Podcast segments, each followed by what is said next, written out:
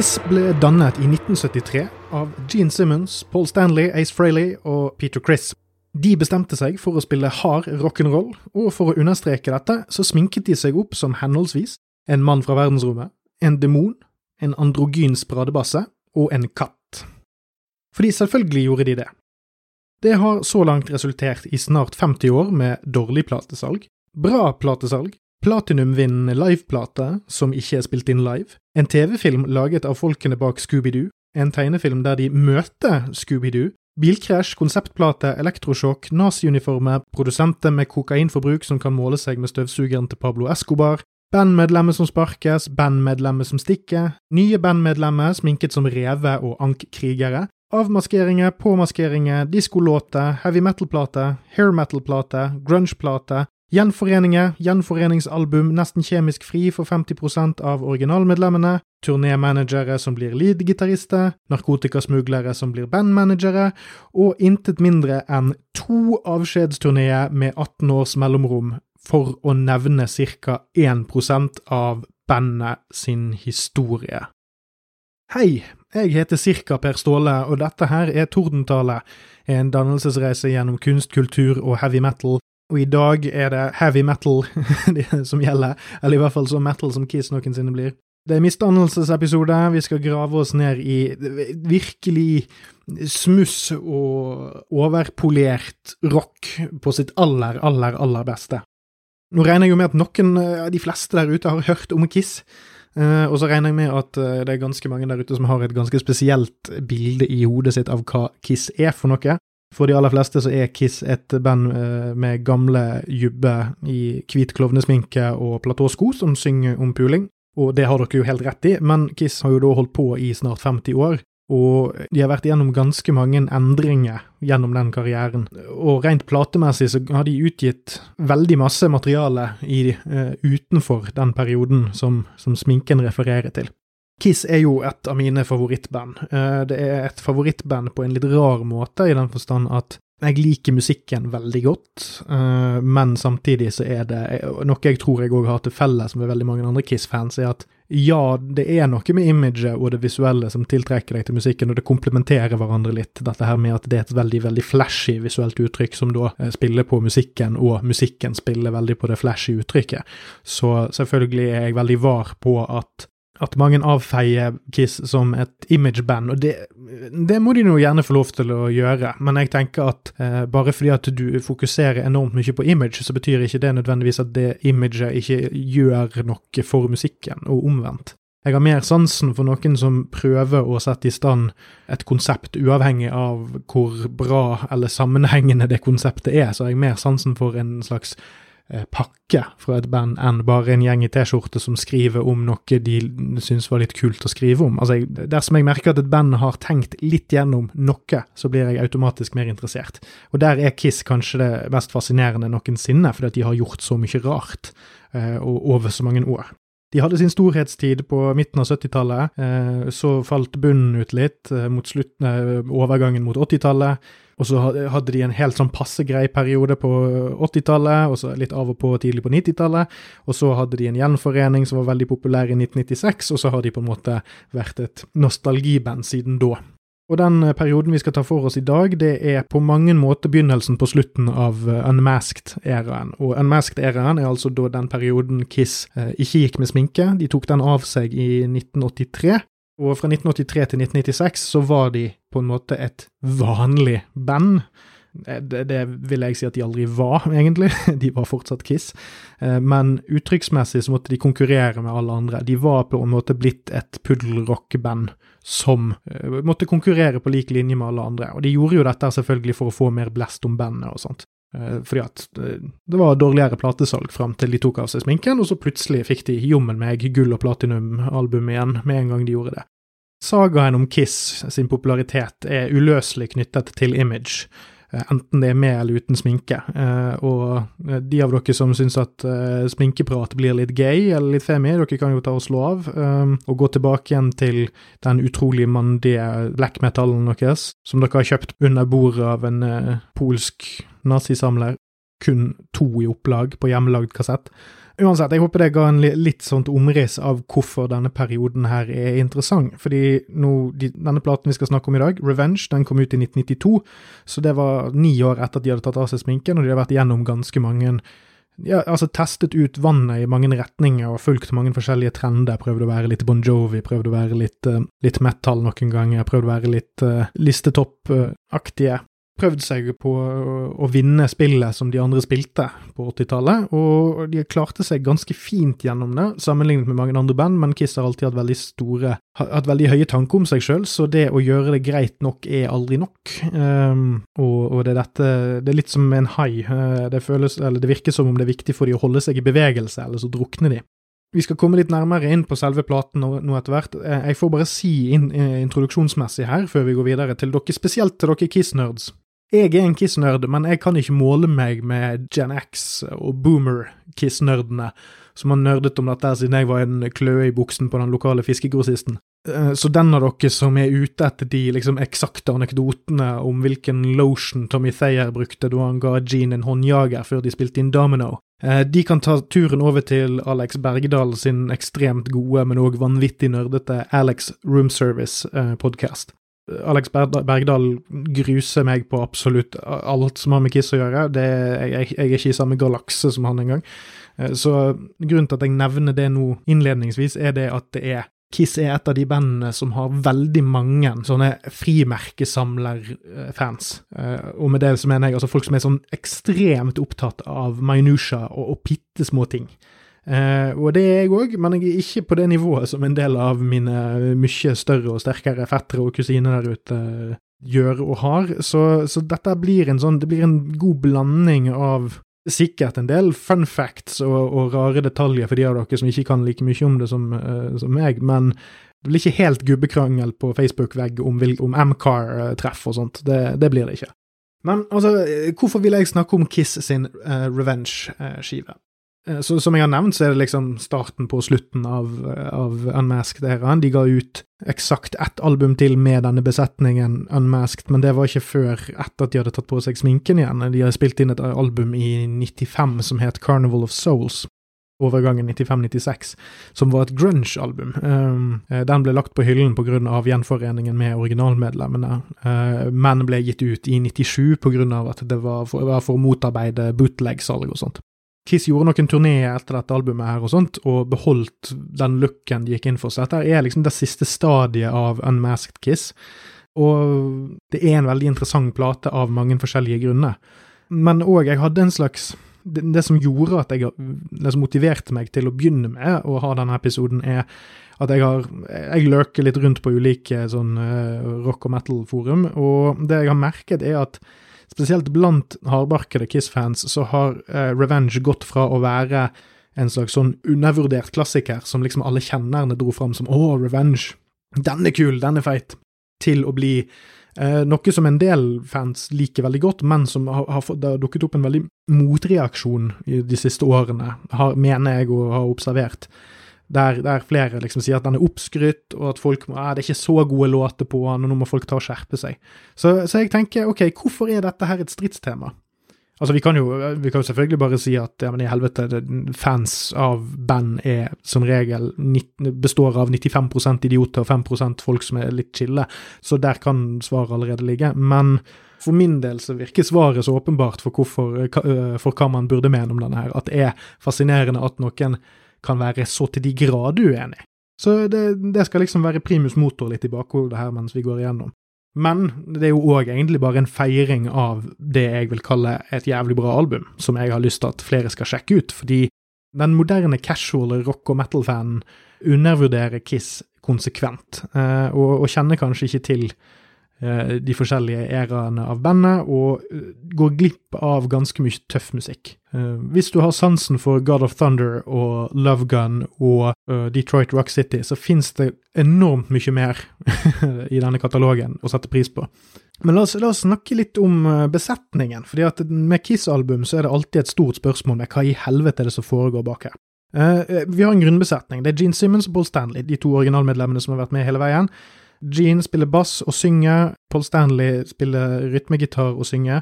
Um, Stanley har som regel uh, Han har en mer uh, lys, smått mer feminin uh, sangstemme, men òg, vil jeg si, en av de mest undervurderte rockevokalistene gjennom tidene. Ikke den beste nødvendigvis, men han har en, en, en sinnssykt unik lys og til tider ganske kraftig og tøff rockestemme. Uh, og Stanley er hovedvokalisten, da, men uh, dette er òg et band da, som deler på vokalen. Den går litt på rundgang, og som oftest er det Gene Simmons som har uh, mesteparten av de låtene som Stanley ikke synger.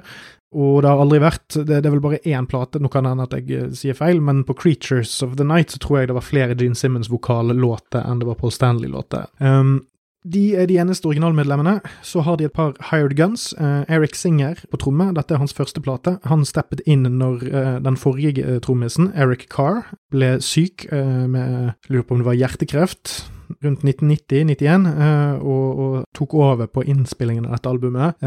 og så døde Eric Carr før dette albumet kom ut.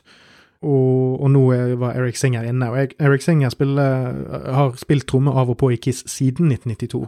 Eh, han ble eh, kippet ut når uh, gjenforeningen kom i 96, og så han vært inn, var han inn og ut litt i 2001 til 2003, og så har han vært med siden. Så han er den, den trommisen med lengst fartstid i Kiss. En solid trommis. I tillegg så har du Bruce Kulick. Han er en, en company man. En, en, folk har kalt han identitetsløs sologitarist. jeg syns han er en ganske kompetent og stilig gitarist. Han må bare få plass til å boltre seg. Han har vært med siden midten av 80-tallet, eh, og er òg en veldig godt likt et veldig godt likt eks-medlem av Kiss. da.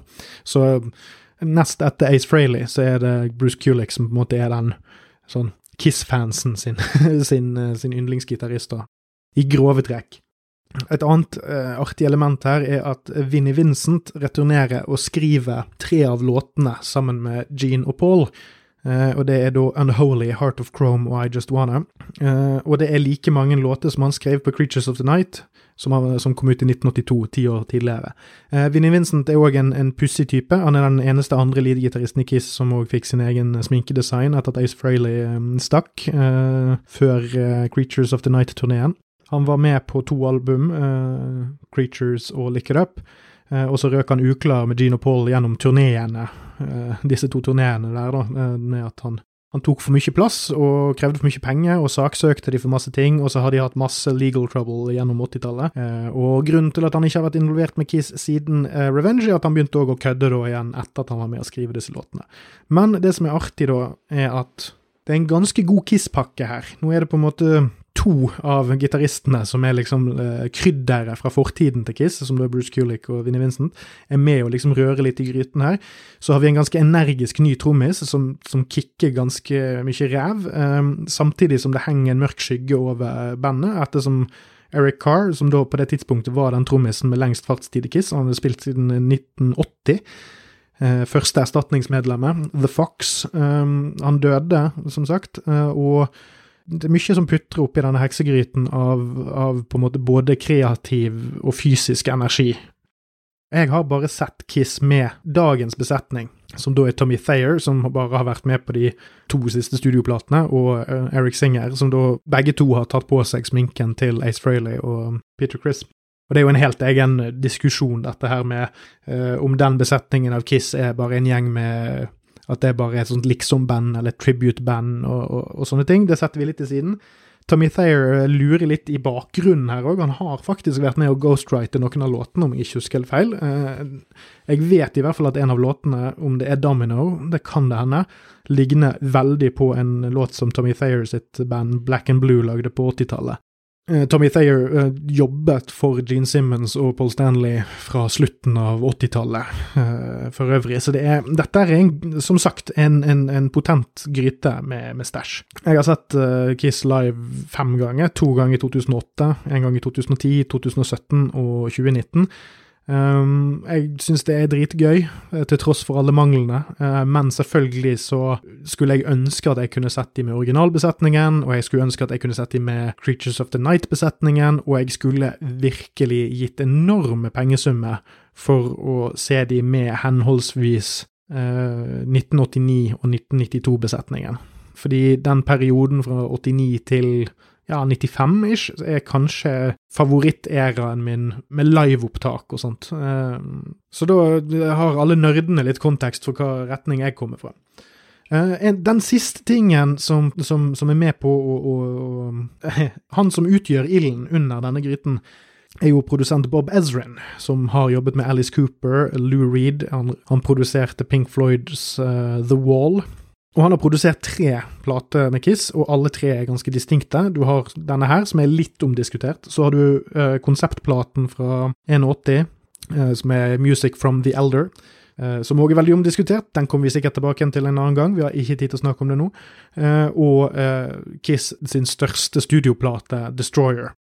Så nå starter vi Kiss-reisen vår i dette showet her på slutten av trilogien. Det er litt som å starte med Return of the Jedi, dersom Return of the Jedi var vesentlig bedre enn Star Wars og Empire Strikes Back. Shots fired. En av tingene som gjør eh, det å diskutere eller tenke på Kiss for folk med litt psykiske utfordringer som meg sjøl, eh, det som gjør det gøy for oss, er, er at Kiss er notorisk ujevne. Um, Sjøl når de gir ut kule plater, så er det ofte litt store svakheter. At, at, ting faller litt sammen, at det ikke nødvendigvis er like sterkt materiale fra start til slutt, osv., osv. Um, jakten på den perfekte Kiss-platen er, er, en evig en, tenker jeg. Eh, det er aldri det er aldri stopp blant Kiss-fansen å diskutere hva som liksom er den, den platen som er mest solid. Uh, og det er jo ikke uten grunn at Kiss er mest kjent for uh, Alive-platene sine, og mer spesifikt Alive 1 og 2. For det er Der samlet man grommemateriale i en live-ask setting. De var ikke så live som de hadde lyst til å late som at eh, det var. Så Kiss er et notorisk best of-band. Eh, de eh, Gjennom hele sin karriere så har de alltid dundret gjennom det, en veldig liten gruppe med hits. De har egentlig aldri vært et veldig stort radiohit-band, men de har, de har likevel noen låter som ender opp med å bli live-hits. Så la oss ha litt i bakhodet spørsmålet hva konstituerer den perfekte Kiss-platen? Og så er det òg en, en, ting som er litt viktig å tenke på. Er, er du en Simmons- eller Stanley-fantast? Det er òg noe som er greit å tenke på når det gjelder Kiss. Uh, alle Kiss-fans har en formening om dette. her. De kan ha andre favoritter i bandet, men skillelinjen Simmons-Stanley sier òg mye om hvordan de jakter bandet. Altså, begge to synger om puling og rock, uh, som er stort sett det Kiss synger om, med noen hederlige unntak. Men Gene Simmons har en tendens til å ha en litt røffere tone, en mer rockete tone, enn det som på en måte er frøet til ymse tyngre metal-band uh, sin growling-vokal. Uh, og man har jo selvfølgelig hentet masse inspirasjon fra demonpersonaen hans. Uh, det har jo påvirket både death og black metal og, og thrash metal. Det er enormt mange kids som vokste opp på 70-tallet, som plukket opp eh, et instrument for å være et beist som Gene Simmons på scenen. Mens Paul Stanley har en mer sånn førsteelsker-approach. Eh, han er litt softere, han er litt mer tilgjengelig. Det er han som synger flesteparten av balladene. Eh, han har alltid vært liksom den myke, eh, det myke alternativet til Gene, selv om han òg har en skokk med råbra rocke, harde rockelåter, han òg. Eh, som, som, han fronter med vokalen sin, men han er òg den som, som, liksom åpner hjertet sitt eh, mest for publikum, da. Og så er det litt viktig, å, å, før vi går videre, så har jeg lyst til å dra fram én ting. Eh, jeg har, jeg har, fått reaksjoner fra folk der vi har hatt litt uenigheter og uoverenskomster rundt det jeg liker å kalle pulesanger. For jeg pleier å omtale ymse sanger som uh, Kiss gir ut, som pulesanger. Uh, og, og, det har jeg fått litt sånn rar, rar, rar respons på, uh, så jeg tok og lagde en liten uformell Twitter-avstemning. Så da stilte jeg spørsmålet når du hører uttrykket pulelåt, tenker du da at det er A. En låt som handler om puling, eller B. En låt som man puler til? Og da viste det seg at 75% av de som svarte, de mente at det er en pulelåt, det er da en låt man pule til. Mens jeg alltid har brukt det som at det er en låt som handler om puling. Og jeg synes at folk er veldig inkonsekvente, for jeg lagde òg en Twitter-avstemning der jeg stilte spørsmålet når du hører uttrykket fotballsang, tenker du da på at det betyr A. sang om fotball, eller B. en sang man spiller fotball til? Og da var det 79% som mente at en fotballsang er en sang om fotball. Så her må folk ta og skjerpe seg på hva de skal finne på å reagere negativt på, når jeg bare har lyst til å informere folk om artige og kule sanger som handler om puling. Så, hvis det er noen som er forvirret herifra ut, hvis jeg, sier, hvis jeg bruker begrepet eller uttrykket pulesang, så betyr det at det er en sang som handler om puling. Og så kan du jo selvfølgelig sette den på mens du puler, det er ikke det. Men det er, vi, vi, er ikke en sånn her sex og samliv-chatline. Dette her er viktige livsspørsmål uh, vi stiller, og da vil jeg gjerne ha meg frabedt den slags type vrangvilje. En annen ting som er verdt å merke seg med Revenge, er jo det at altså, den heter Revenge. Og så er det et band som heter Kiss, altså å kyss. Altså å, et kyss! Njø. Sant? Altså, det er, det er begrenset hvor farlig et, et navn som Kiss kan være. Paul Stanley har påstått at navnet Kiss er veldig bra, for det er, så, det er så kontant, og det, det, høres ut som det er farlig. Eller at det har en slags sånn hard edge ved seg. Uh, det er jeg jo egentlig overhodet ikke enig i. Men uh, det har kanskje blitt det over tid, siden jeg nå assosierer det ordet mest med bandet Kiss, og ikke med det engelske ordet. Så han har kanskje fått litt rett postfaktor. Men i utgangspunktet så er det jo et veldig soft navn. Det er bare skrevet, eller fonten på, på logoen er bare litt hard. det er jo to Lightning S-er, og ja, det er en veldig sånn kontant logo. Men hva er det de tar hevn for på dette albumet? Det vet vi ikke. Det er faktisk egentlig ingen av sangene som handler om hevn eller vold eller noe annet eller noe nytt. Det er få tema på dette albumet som ikke har vært touchet innom på i tidligere Kiss-låter. Og så er det andre det at uh, coveret er veldig heavy metal. Uh, coveret er kanskje det, er det mest metal med hele platen, og det er, det er liksom en sånn uh, metallskyvedør, om det er inn til et fryselager, eller det er sånn industrielt, og så er det Kiss-logoen på. Det er, sånn, det er, sånn, stål og svart. Og så er det skrevet 'Revenge' med, med blod, eller med I hvert fall en veldig rød tusj ja, under logoen. Så det er vi har, vi har, liksom beveget oss inn på et territorium der Kiss skal kanskje si litt om ja, ja, nå, nå er det 90-tallet, vi er tøffe. Vi er like tøffe som alle de andre guttene. Alle de, de unge yplingene, disse 20-åringene som løper rundt i skinnjakke og, og, sneakers og tror at de er noe. Nei, vi, vi er like kule som de, vi. Og bare se. Ja, altså på, på, baksiden av bukletten så står hele gjengen da i skinnfrakk, bortsett fra Bruce Kulick, som tydeligvis ikke fikk en skinnfrakk. Og det, det er litt try hard, syns jeg. Um, det, det, det ser litt litt vel ut som at de bare har slengt på seg de frakkene før de tok bildet. Så vi har allerede begynt å bevege oss litt inn på et tema som kommer til å ligge litt i bakgrunnsstråle gjennom denne gjennomgangen, og det er at denne harde edgen her, den er bitte litt påtatt. Bitte, bitte litt påtatt. Ja.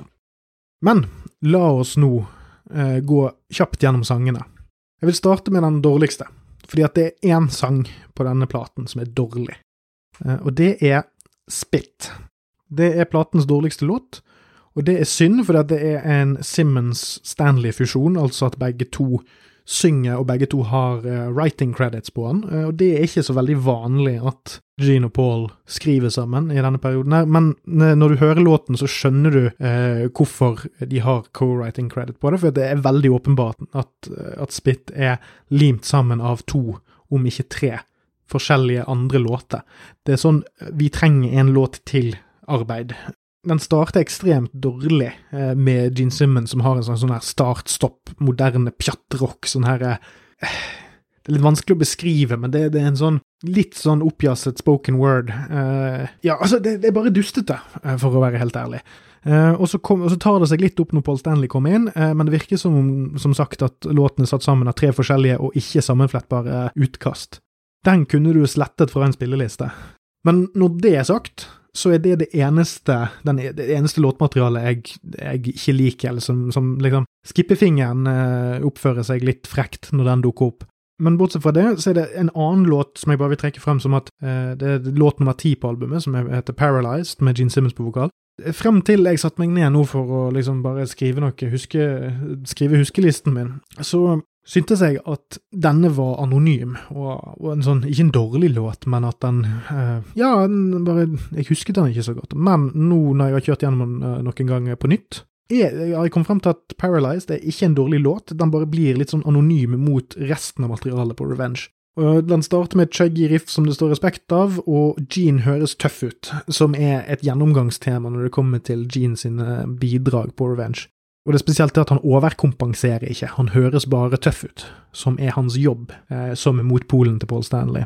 Og det er òg en ting som er veldig, veldig bra med dette albumet, er at selv om den er hardere, selv om den er tyngre, så har du fremdeles denne dragkampen mellom Gene Simmons sine, sitt røffere materiale og Paul Stanley sitt til en viss grad lettere materiale, som fungerer som juling.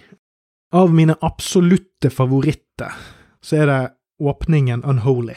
Det er en Gene Simmons-låt. Det er en slags sånn åndelig oppfølger til eh, God of Thunder fra Destroyer. Og for de av dere som ikke har et sånn enormt tett forhold til Kiss, så er det det at ja, Gene Simmons var demonen. Han var på en måte skrekkfilmmonsteret på scenen. Eh, og han forsvant etter 1982, etter at de tok av seg sminken. Og nå, etter ti år, så har Gene Simmons endelig lagd en låt der den demonske siden kommer tilbake igjen. Eh, dette er en heavy låt. Det er definitivt en av de låtene på albumet som er nærmest å, å være vanskelig å høre at er Kiss. Eh, jeg husker da jeg kjøpte dette albumet i hine hårde dager, så spilte jeg av denne låten for kompiser for å sjekke om de klarte å catche hva bandet var. Eh, og det greide de ikke. Men, men det sier jeg med Unholy eh, kopierer ikke noe. Det høres, altså, Selv om det ikke høres helt ut som Kiss, så høres det heller ikke ut som en låt som Kiss ikke kunne lagd. Og så får jeg òg si det at det er jo òg eh, en skokk med forskjellige folk. altså Det er ikke, det er ikke en bandøvelse å spille inn dette her, så det er forskjellige folk som spiller bass og rytmegitar og sånt gjennom på de ulike sporene. Men vi skal ikke nerde på det nivået. Men det er da, for eksempel vil jeg da tippe at på dette sporet her så vil ikke Paul Stanley spille rytmegitar. Det er ikke nødvendigvis hele bandet som spiller på hver låt. Eh, det blir ofte liksom switchet ut litt uh, internt. Kanskje Bruce Kulick spiller både lead og, og, rytme. Alt dette som hva som passer. Ok, det er en av mine sol solide anbefalinger. Så er det òg Det er så absurd. Uh, andre låten er Take It Off, som er en Paul Stanley-låt. Og hvorfor i alle dager denne låten skal komme etter Unholy som nummer to på skiven, det skjønner ikke jeg. Eh, fordi at dette her, det er en oppjasset eh, strippe- og pulelåt fra 80-tallet som nå har blitt skutt heavy metal-steroider inn i. for å få det til å funke på 90-tallet. Uh, men den er veldig gøy likevel, for jeg jeg har jo svakheter for uh, pulelåtene til Paul Stanley. Fordi at Paul Stanley er en, eh, notorisk kåt mann, uh, i hvert fall liker han å late som at han er det.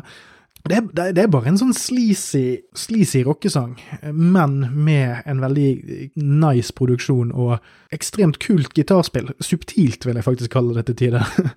Eh, det er et mellomspill som gir meg gåsehud, faktisk. Et rolig mellomspill. Som er verdt å gi en lytt, altså, for at hver gang jeg hører denne låten, så hever den seg i den mellomspillseksjonen. Altså, det, det er sånn Dette er en 80-talls Paul Stanley-låt som har fått på seg skinnjakke og har tent seg eh, en sigg innendørs. Så den er, den er litt sånn Mutley Crew-aktig òg, på en god måte. Jeg liker egentlig ikke Mutley Crew, men når Mutley Crew klarer å være sleazy på riktig måte mens de chugger Det høres ikke ut som en Crew-låt, men det er litt i den samme ånden som liksom de få gode Mutley Crew-låtene. En annen favoritt er I Just Wanna, som òg er en pull-låt av Paul Stanley. Eh, en dritkult riff, eh, spesielt under gitarsoloen. Og det er òg en solid livelåt. Både den og Take It Off var veldig gode livelåter fra turneen som startet etterpå. Take It Off, den dro de jo inn strippere på scenen, det var jo litt sånn kontroversielt. Og så får jeg òg trekke fram Domino, eh, som er en gyngende rocker, selvfølgelig om en dame, med Gene Simmons på vokal. Eh, den har òg noen sånne lekre Judas Priest-aktige vrier i riffet under soloen, som jeg syns folk burde merke seg. Eh, og så har den òg et element av sleaze blues, som eh, ligger bak noen litt sånne rolige spoken word-biter som Gene kjører. Her funker det, i motsetning til den der litt sånn William Shatner-aktige leveringen han har på Spit. Og, og, så til slutt, av, av de absolutte favorittene, så er den jeg, jeg, vet ikke, det, det, er så mange her jeg liker, men det, det Heart of Chrome er en fantastisk uh, maktdemonstrasjon av Paul Stanley. Uh, på refrenget så har man en skokk Paul Stanley som korer seg sjøl, og det er dritkult, og der utnytter de det høye registeret hans på en tøff måte. Uh, Paul Stanley er aldri så kul vokalmessig som når han synger kontramelodier på toppen av seg sjøl. Uh, og det, det, er bare en grom rocker med god groove og den, den veldig sånn kuttende metallaktig på refrenget og så er for så vidt òg Tough Love med Paul Stanley på vokal veldig tøff. Det er en mye tyngre type låt enn det Paul Stanley har en tendens til å fronte, i, i hvert fall med tanke på åpningsriffet. Eh, refrenget klinger 80's Kiss, men den har en farlig nerve som gjør den hakk kvassere enn 80-tallsmaterialet. Den har bitte litt sånn BDSM-aktig tematikk, Um, det er også En sånn, en av grunnene til at den låten er kul, er fordi at den viser at Paul Stanley ikke må være pusegutten sammenlignet med Gene Simmons. Uh, han har sine begrensninger, og man kan ikke tyne strikken for langt, men dette her er liksom heavy metal Paul Stanley, og det funker som bare faen. Uh, det er dritbra crescendoer inn mot versene, og Stanley bruker kontrastene mellom riffet og den lyse stemmen sin, og dundrer dette bra igjennom. Ok, så det er favorittene mine, men igjen, det, dette er et album jeg faktisk liker så godt at selv når jeg fremhever disse, så syns jeg det er litt dårlig gjort å, å, ta vekk fokus fra de få jeg ikke har nevnt. Uh, så, så, ta det litt med en klype salt at disse neste låtene ikke fikk den uh, behandlingen. Uh, og da har vi God Gave Rock and Roll to You 2, eller 2 som er en coverlåt som Kiss har jazzet opp uh, til anledningen Bill and Ted's Bogus Journey uh, fra året før. Så det, det er en, opprinnelig en låt av Argent. Jeg har mer sansen for Kiss-versjonen. og det er en, en, en, sang som egentlig ja, liksom nesten bare eleverer rock'n'roll til å være en slags sånn guddommelig gitt gave det er noe fint nostalgisk med denne låten. Jeg tror det er fordi at altså, originallåten er litt eldre, sant? så det har en sånn klang fra fortiden. Originalutgaven til Argent kom ut i 1973, og det var jo året Kiss ble stiftet.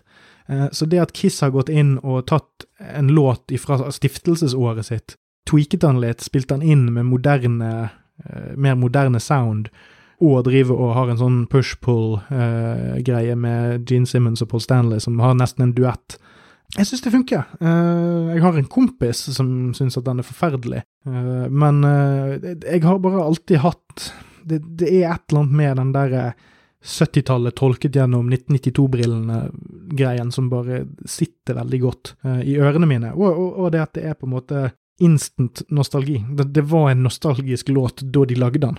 og jeg synes det, og Så vidt jeg husker, så er det den siste radiohiten Kiss hadde. Den, den, er spilt inn et år i forveien, også, men den er inkludert her at, av åpenbare grunner.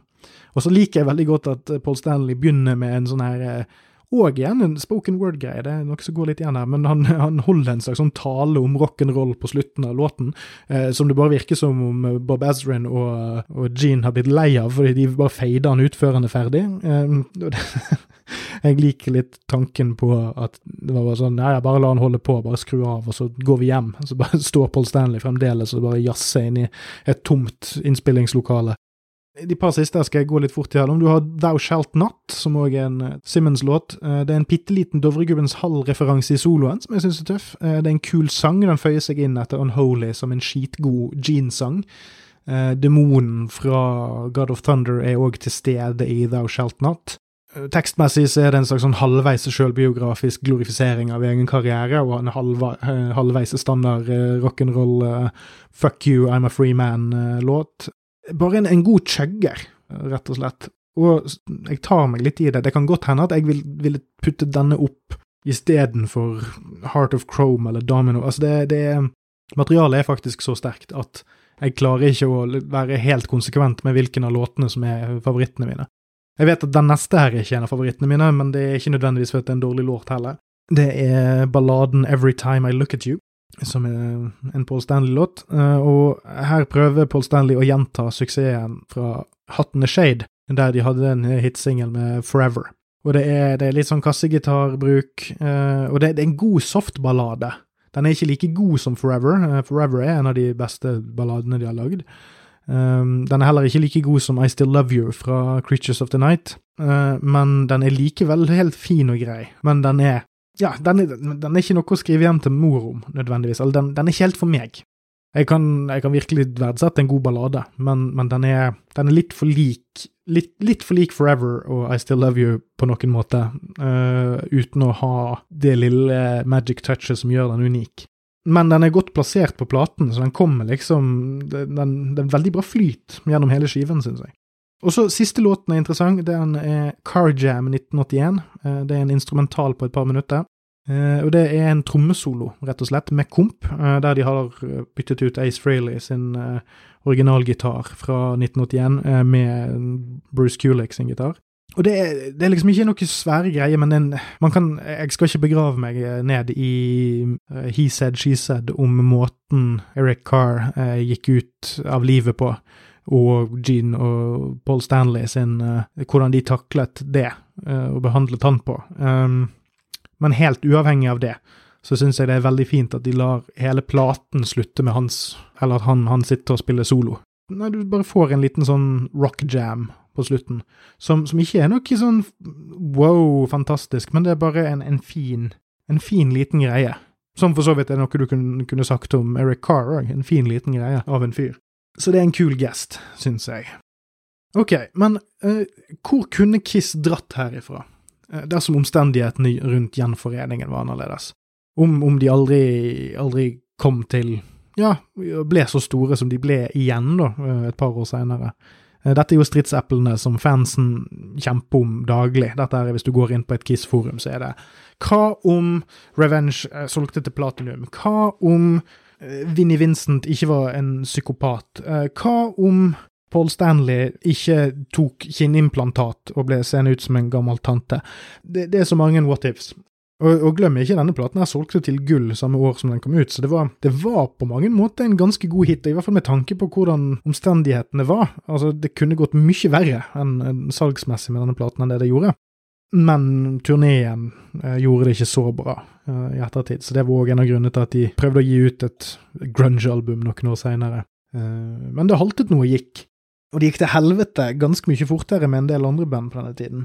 Men plater som denne her har en tiltrekningskraft for fansen, fordi at den på en og samme tid er så fremtidsrettet, men òg anakronistisk. Så, så, tenk litt på sånn, hvem var det Kiss skulle møte i samtiden sin?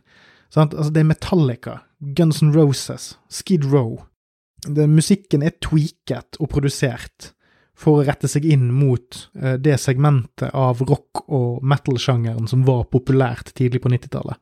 Men platen har fremdeles masse Paul Stanley-knullelåter og Gene Simmons som har snakket om små rips, eh, og, og, det faller mellom to stoler kommersielt, men samtidig så er det en dritbra modernisering av Kiss-sounden 20 år etter at Kiss oppsto. For produksjonen her er perfekt, syns jeg. Det er akkurat passe med bunn. Eh, det er skarpe gitarer som ikke blir for eh, sånn, sånn onkelrockete. Det, det, det, er skarpt, og det, det er mye metal i produksjonen, og så er låtene fremdeles koherente og, og trekker en rød tråd tilbake til 70-tallet. Låtene høres genuine ut. Det, det, er et enormt pluss, i motsetning til en del av 80-tallsmaterialet, som jeg elsker, men platen er definitivt rettet inn mot samtiden sin fascinasjon med heavy metal. Og dette er riktignok Altså, Kiss har gjort metal før, altså på Creatures of the Night og til en viss grad på Lick It Up, Creatures vil jeg òg si var ganske genu... Altså på, på, visse måter sammenhengende med Kiss sin sound og look, men de, det kom så brått ut av ingenting i 1982. Da hadde de lagd et soft kritikerrunk-forsøksalbum året før med, med, Music from the Elder, og året før det igjen så hadde de lagd nesten en popplate og, og Lick It Up kom ut etter Creatures, så det, det var en mer naturlig progresjon fra uh, Creatures. Uh, mens, og, og, på samme vis er det at uh, Revenge var òg en naturlig progresjon, syns jeg, i hvert fall fra lærdommen de dro på Hot in the Shade og Hot in the Shade-turneen. Så, så jeg syns at dette her er et eksempel på en modernisering som for en gangs skyld passer veldig godt til grunnmuren i Kiss. Det er rockelåter med kraftigere sound som krysser over til metal. Det er ikke en sånn postfaktokonstruert greie der de går inn i studio og sier 'nå skal vi lage en metal-plate', og så skriver de låtene etter det. Nei, det er mer som om at de har tatt det de kan, og dyttet det så langt mot heavy metal som de kan, eh, før det knekker, før det brister. Det er en kunst som jeg syns dette albumet konkret burde få mer oppmerksomhet for. Jeg syns det er en, en, studie i hvor langt strikken til eh, på en måte et, et 70-tallsband kan tøyes. Eh, imaget de valgte her, passer de òg. Eh, skinnjakkene på coveret er kanskje litt mye, men når man ser på sceneantrekkene de brukte på turneen, og sånn, så er det en veldig god look for dem, og det er òg igjen noe som kan være litt koherent med måten bandet så ut tidlig på 70-tallet, før de ble helt sånn tegnefilmfiguraktige på de mest populære albumene. Men tidlig så gikk liksom uh, Kiss med, med svart og, og, litt mer leather and spikes og sånt. Og måten de så ut på på tidlig 90-talls, altså kan, kan, i hvert fall være i samme, sies å være i samme tradisjon. Eh, og av det så tror jeg at noen fans, og da gjerne meg sjøl inkludert, tenker at Revenge var der Kiss omsider fant looken, omsider fant sounden de hadde jaktet på helt siden, og kanskje lenge før avmaskeringen og Lick It Up. Altså, etter Lick It Up så var det jo helt krise. Det var jo flere år der, der det så ut som at, at de var ute for å promotere den lokale gardinfabrikken sine siste tekstiler. Uh, og ikke et uh, ikke rockealbum, liksom. Det var, det var helt uh, ko-ko. Bare gå og se. På YouTube så ligger det en, en scan av Kiss Animalize live uncensored, eller et eller annet sånt. Det er en jævlig bra uh, livekonsert, men fytti helvete for hvordan de ser ut. De, det, Gene Simmons hadde klipt seg og går med en parykk som får han til å se ut som en sånn jødisk bestemor. Det, det er pussig. Det, de gikk gjennom mye rart, og da, da, er det litt ekstra vanskelig å se for seg at de skal være et litt edgy og farlig rockeband. Men her, her har de faen meg klart det. Um, og de beholdt det uh, i noen år, og de lagde jo da dette grunge-albumet som nesten ikke ble sluppet. Så allerede der ser man jo sprekkene i ønsketenkningen rundt at revenge-æraen kunne være noe stabilt uh, som kunne båre bandet inn i det nye årtusenet, eller et eller annet sånt. Men, men det var òg tilfellet for dåtidens uh, rock metal-sound. Den var skjør for hele bransjen, og ikke eksklusivt for Kiss. Nirvana holdt på å myrde alle pudelrock-bandene på dette tidspunktet. De var i full gang med det. Så det er, sånn sett så er det ekstremt imponerende at de klarte å levere noe så solid og komme seg videre ifra dette året. Og så For min del så handler det mye om at jeg skulle ønske at bandet tok lærdommen de burde fra hver av æraene jeg satte pris på.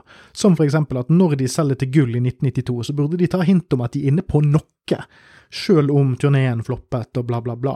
Det at de går hen og lager en grunge-plate som Carnival like etterpå, det syns jeg er trist og irriterende. Men jeg syns at den platen kan være interessant på sin helt egen måte. Men eh, jeg nyter Kiss på to forskjellige måter. Det ene er liksom sånn Jeg, som alle andre Kiss-fans, har en egen liten versjon av Kiss oppi hodet mitt som jeg har lyst til å se. Den versjonen sammenfaller ikke med noen av de versjonene av Kiss som noensinne har eksistert, men det er en idealisert ønsketenkning om 'Å, hvis de bare hadde gjort den tingen'. Og så er det sånn at når Kiss-fans samles, så, de, de, så, prøver de å formulere til andre Kiss-fans hvordan den versjonen av Kiss ser ut, og så blir de aldri enige. Uh, og på den måten så er det sånn at jeg kan sette pris på at Kiss går hen og lager et grunge-album. Jeg kan høre på det albumet og synes at oi, oi, oi, tenk om dette hva, hva er dette for noe? Sant? For det å høre Kiss tolke grunge er en veldig Det, det er som å se uh, faren din sette seg ned og spille Nintendo. For de av oss som har fedre som er gamle, så gamle at de ikke har vokst opp med Nintendo, selvfølgelig. Uh, men, men, det er litt den samme vibben man får. Men det er fremdeles interessant. Å se en, en, bestefar sitte og spille Super Mario Kart er jo gøy, selv om han ikke gjør det bra. Revenge er en av yndlingsplatene mine av Kiss. Uh, noe på grunn av at selvfølgelig jeg ble forlokket av metal-looken da jeg var yngre, og, og sånt, men det var jo langt ifra den første Kiss-platen jeg kjøpte. Uh, og, og, det er ikke sånn at det er Dette her er min sånn original uh, versjon av Kiss som liksom sitter oppi hodet mitt, men det er det at det er noen ting her som appellerer til de delene av Kiss jeg setter pris på i alle æraene. Alle æraer av Kiss har et, et lite frø av det som Revenge gjør jævlig bra, de har bare veldig, veldig lite av det. Og så er det andre som har andre sterkere versjoner av ting som ikke er like tydelig på Revenge. Men det er en av de mest solide platene bandet har lagd, syns jeg. Den er ikke nødvendigvis den beste platen, uh, men jeg vil argumentere for at Kiss er notorisk dårlige på å levere konsekvente, helhetlige plater, og her er Revenge forfriskende mektig.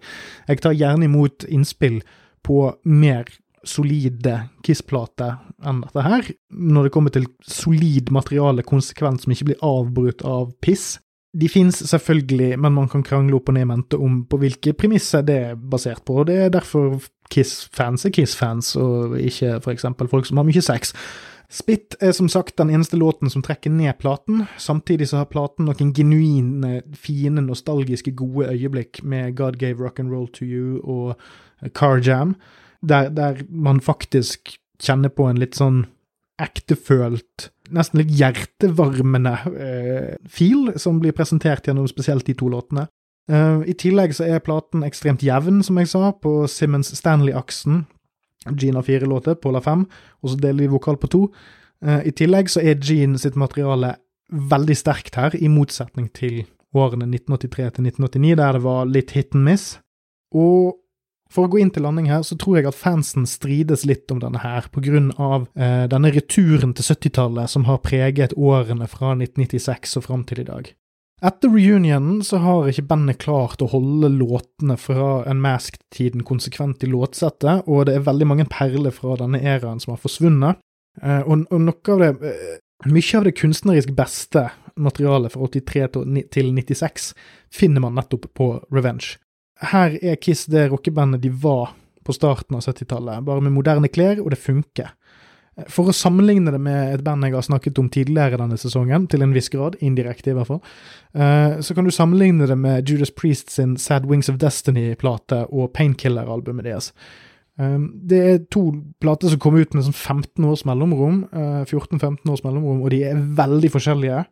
Men de har en kunstnerisk integritet som knytter de sammen, og Revenge er den siste gangen Kiss sin relevansjakt og produksjonen og outputen deres samsvarer.